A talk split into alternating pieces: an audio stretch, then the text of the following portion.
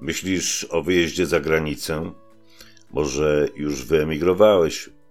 Chcesz bardziej poznać rzeczywistość, język i kulturę Holendrów? Witam Cię na podcaście tworzonym przez Bogusię. Od 2012 roku mieszka w Holandii. Na co dzień pisze bloga Udana emigracja oraz prowadzi szkołę językową EasyTal. Opowiada o tym, jak to zrobić, aby mieszkanie na obczyźnie stało się Twoim drugim domem. Zapraszam. Śniegi w Holandii należą do rzadkości. No, przynajmniej taki śnieg, jaki mamy tej zimy. W dwa dni napadało w Holandii tyle śniegu, że kraj stanął w miejscu. I to po raz drugi, bo pierwszy hamulec to, jak wiemy, COVID-19, który wciąż nas nie opuszcza. Zaspy po pas. Kolejny śnieżne na ulicy i to takie, że nawet piaskarka nie wiedzie. Dzieci w ogródkach już nie tylko lepią bałwana, ale lepią iglo. Sanki, które zwykle w Kringloopie, czyli w takim sklepie z rzeczami z drugiej ręki, kosztują po 5 euro, o, dziś to można kupić za kosmicznie wysoką kwotą. Mamy zimę, gdzie ze względu na pandemię sklepy odzieżowe są pozamykane. Mamy zimę ze śniegiem po pas, więc jak ryby po deszczu powstają sąsiedzkie grupy facebookowe, gdzie ludzie wspierają się ze sobą i rozdają ubrania dla dzieci. Ocieplane spodnie narciarskie, kurtki, e, ocieplane rękawiczki albo buty na śnieg. A dlaczego sąsiedzkie? Słuchajcie, no, mało kto dzisiaj odważy się odpalić samochód. Przez to, jaką mamy pogodę za oknem, przez te zaspy, przez to, że piaskarka nie wjeżdża. Na rower też nikt nie wsiada. Wszędzie trzeba chodzić pieszo, no a jak po sąsiedzku, to wiadomo, najbliżej. COVID-19 każdemu coś zabrał. Każdemu. Dzieciom zabrał zabawę i swobodę, dorosłym wolność, a u osób starszych pogłębia samotność. Wszyscy mają już dość.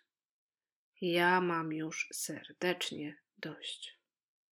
Chcę normalności dla dzieci i siebie.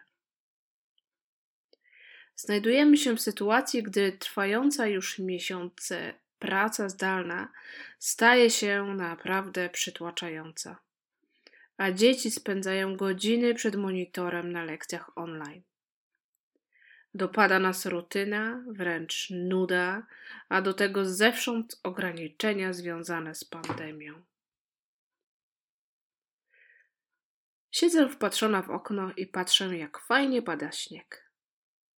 Tak zupełnie zwyczajnie.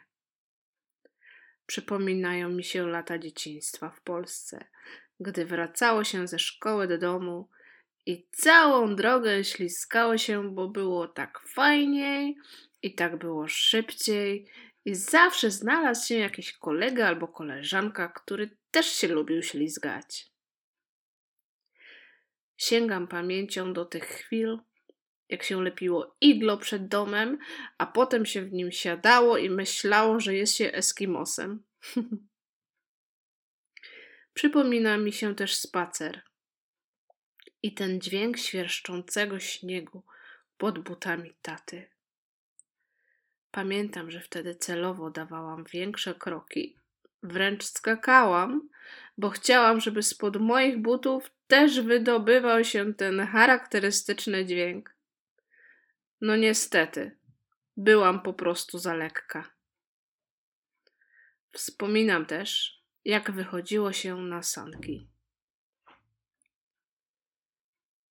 Taka rozmarzona zimową aurą zapragnęłam kuligu. Więc nic, tylko chwyciłam za telefon. No i SMS do jednej koleżanki, do drugiej, do trzeciej. Bardzo szybko narodziło się fajne spotkanie w środku tygodnia i zorganizowane bardzo spontanicznie. W moment byłyśmy umówione. Jedna z nas mieszka poza miastem, więc zgodziła się na to, aby to właśnie u niej zorganizować to spotkanie. Na, dla drugiej koleżanki nawet przyjazd w tą pogodę z innego miasta nie był absolutnie przeszkodą. Dziewczyny, powiem szczerze, szybko się zorganizowały. Każdej spodobał się pomysł, no, a najbardziej dzieciom. Te to były zachwycone. No i co? Sanki zaczepione, dzieci podzielone, gdzie kto siedzi, no i zaczynamy przygodę. Przedział wiekowy był od 4 do 13 lat. I właśnie powiem wam, to najmłodsze wołało najgłośniej, żeby jechać szybciej. Było dużo cudownej zabawy i dla rodziców, no właściwie to dla mam, i dla dzieci. Godziny zabawy na świeżym powietrzu i masa zdrowego uśmiechu.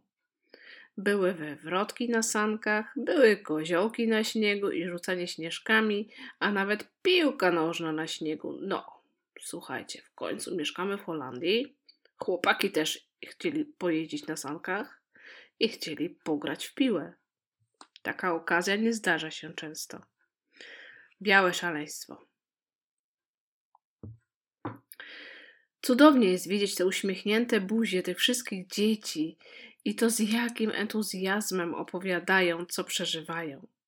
Słyszałam często, ale to jest fajne, a tutaj spadłam z sanek, a tutaj śnieg na mnie pada z drzewa. Każda z nas, dziewczyn, które tam się spotkała, pochodzi z różnych regionów Polski, ale wszystkie znamy polskie góry. Wyobraźcie sobie, że nagle przejeżdżając koło takiego strumyka, właściwie to był rów, jedna z nas powiedziała: Tutaj jest tak pięknie jak w naszych Karpatach. Bo tak było. Wszystkie jesteśmy z podobnego rocznika, czyli okolice lat osiemdziesiątych. Miałyśmy podobne wspomnienia z Polski. Wychowałyśmy się na zabawach na trzepaku i śpiewaniu piosenek na koloniach. Więc w takich okolicznościach, patrząc na kraj, obła, patrząc na kraj obraz płaskiej Holandii, nam, mimo wszystko przypominającej Karpaty, patrząc na te buźki uśmiechniętych dzieci i my takie szczęśliwe ze spotkania, mijając strumyk, zaczęłyśmy same śpiewać piosenkę z dzieciństwa, gdzie strumyk płynie zwolna. Wyobrażacie to sobie? Dzieci rozbawione na sankach, a te mamy po prostu szczęśliwie śpiewające piosenkę z kolonii. Tak po prostu wyszło zupełnie spontanicznie. Same poczułyśmy się tak beztrosko, jak, to nasze, jak te nasze dzieci. Kiedy już dzieci, my dorośli, zresztą też trochę zmarzliśmy, to w ogródku rozpaliliśmy małe ognisko z kiełbaskami, bułkami i chlebem. No, dla dzieci nie zabrakło ciekłe, ciepłego kakao oraz rozpływających się marshmallows, czyli takiej słodkiej pianki, którą można również grillować albo e, roztopić w ognisku na kiju i wtedy ona się tak fajnie roztapia i dzieci to lubią. Dzisiejszy dzień to masa cudownych wspomnień. Może kiedyś, jak już mój syn urośnie i spojrzy przez okno na ten biały puch lecący z nieba, przypomnij sobie dzisiejszy dzień i z uśmiechem przywoła wspomnienia. Kochani, może nie było to z punktu widzenia wirującego wirusa rozsądne, ale na pewno bardzo potrzebne. Była to dla nas odskocznia od izolacji, od pracy i nauki w domu, od tych zakazów i męczących nakazów. A ty jakie masz wspomnienia? I jakie wspomnienia chcesz zafundować swojemu dziecku? Może też takie beztroskie popołudnie w gronie fajnych i pozytywnych osób?